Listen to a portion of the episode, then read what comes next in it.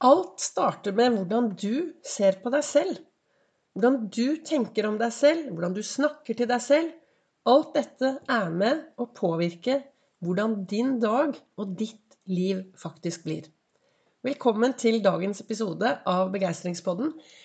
Det er Vibeke Ols, farverik foredragsholder, mentaltrener. Kaller meg begeistringstrener og brenner etter å få fler til å tørre å være stjerne i eget liv. Tørre å stå i egne sko. Tørre å stå, tørre å stå opp for seg selv. Tørre å være fornøyd. Tørre å slutte å sammenligne seg. Og kanskje også tørre å ta et oppgjør med seg selv. Stoppe opp litt. Hvem er jeg? Hvordan lar jeg meg påvirke av det som skjer rundt meg? Og hvordan påvirker jeg alle andre? Av og til så er det viktig å ha den derre å stoppe opp litt og ta Er det balanse mellom selvinnsikt og selvutsikt? Og jeg tenker at eh, jo mer du klarer å stå i dine egne sko og tørre å være deg selv, jo bedre blir dine dager. Hver morgen så starter jo jeg borti godstolen her med litt morgenrefleksjon. Og så ut fra det så snakker jeg om um, Har jeg et tema som jeg sitter og prater om her på podkasten. Og i dag morges så leste jeg disse ordene her. Noen ganger føles det så herlig endelig å stå opp for seg selv. Jeg anbefaler det virkelig. Det er Demi Lovato som har sagt de ordene. Og det er veldig viktig å kunne tørre å stå opp for seg selv. Tørre å si fra. Jeg har vært eh, konfliktsky i mange, mange år. Men nå er jeg blitt flinkere til å tørre å si fra. Og når jeg sier fra til noen, så betyr ikke det at jeg skal si at vet du hva, du er sånn og sånn. Det du sier, er sånn og sånn. Men det er viktig å fortelle andre hvordan jeg føler meg hvis jeg blir behandlet urettferdig. Jeg vet ikke Jeg kan ikke si til et annet menneske at vet du hva, du er sånn og sånn. Men jeg kan alltid fortelle et annet menneske hvordan jeg føler meg etter deres Altså hvordan, jeg, hvordan det de sier, får meg til å føle meg. Og det å kunne stå støtt i sine egne sko og stille opp for seg selv, det er jo veldig viktig. Men for å kunne tørre å stille opp for seg selv, så er det jo viktig å kanskje ha jobbet litt med det som skjer på innsiden av oss være litt mer bevisst hvordan jeg lar meg påvirke av de forskjellige situasjonene. Hvordan jeg lar meg påvirke av alt det som skjer rundt meg. Av og til så har jo jeg også eh, Av og til så hvordan skal vi se, hvordan skal jeg se? Av og til så vet jeg at jeg kommer i situasjoner som kan være utfordrende. Av og til så vet jeg at jeg kanskje skal være sammen med mennesker som kan utfordre meg. Det jeg bruker hver dag, er jo å visualisere. Jeg pleier alltid å se meg selv lykkes før jeg går i en utfordrende situasjon. For da lager jeg en god film i hodet mitt som gjør at på den måten så er det enklere å takle det som kommer. For jeg har allerede forberedt meg litt. Jeg har også en Når jeg jobber én til én, så har vi en sånn øvelse hvis det er folk som har noe de ønsker å si til et annet menneske. Dette, oss, det, altså som de ønsker å si og ta opp med et annet menneske for å kunne stå opp for seg selv. Og da har vi en sånn øvelse hvor de først setter på den, seg på den ene stolen, og så sier de til den andre hva de ønsker å si, og så flytter de seg over til den andre stolen og prøver å kjenne etter hva det mennesket opplever. Så at det blir liksom Man lager denne samtalen, da. Og sånne ting Det er i hvert fall noe jeg også selv bruker hvis jeg er i utfordrende situasjoner.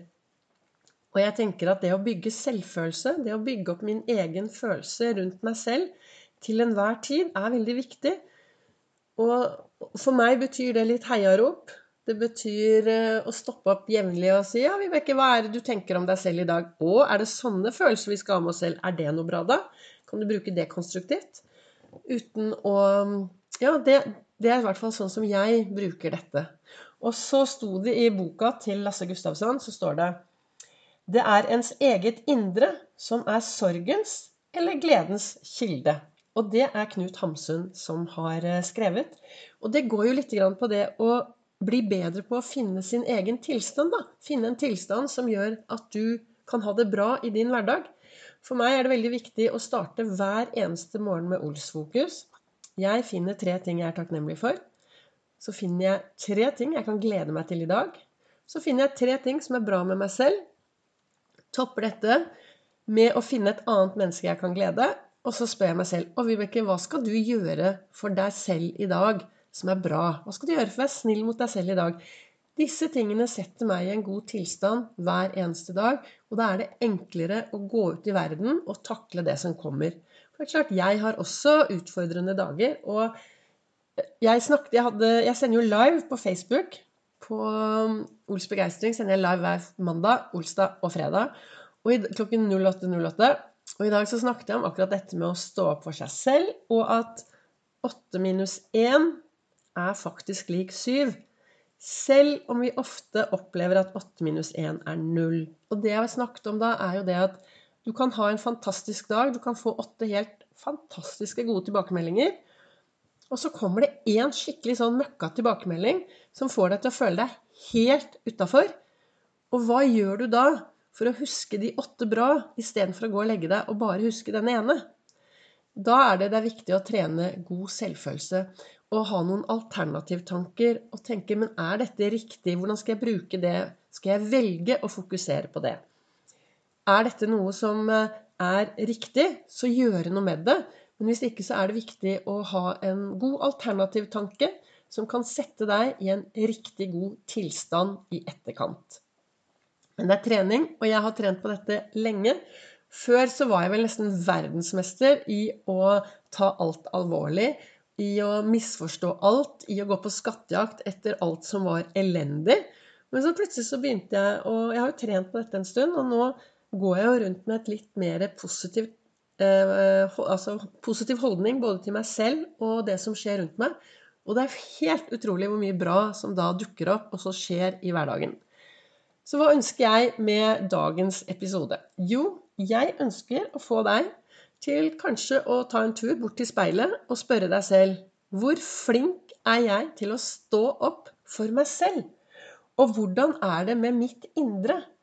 Er det sorgens eller gledens kilde? Hva gjør jeg for å få en god tilstand i min hverdag? Og som vanlig, som jeg alltid pleier å si, huske vi lever i et samfunn. Sammen skal vi gjøre dette bra. Det er viktig å løfte blikket, gjøre en forskjell og være en forskjell for de du møter på din vei. Tusen takk for at du lytter til Begeistringspodden. Takk til dere som deler. Takk til dere som kommenterer. Og så kan du da også følge med både på Facebook og på Instagram på Ols begeistring.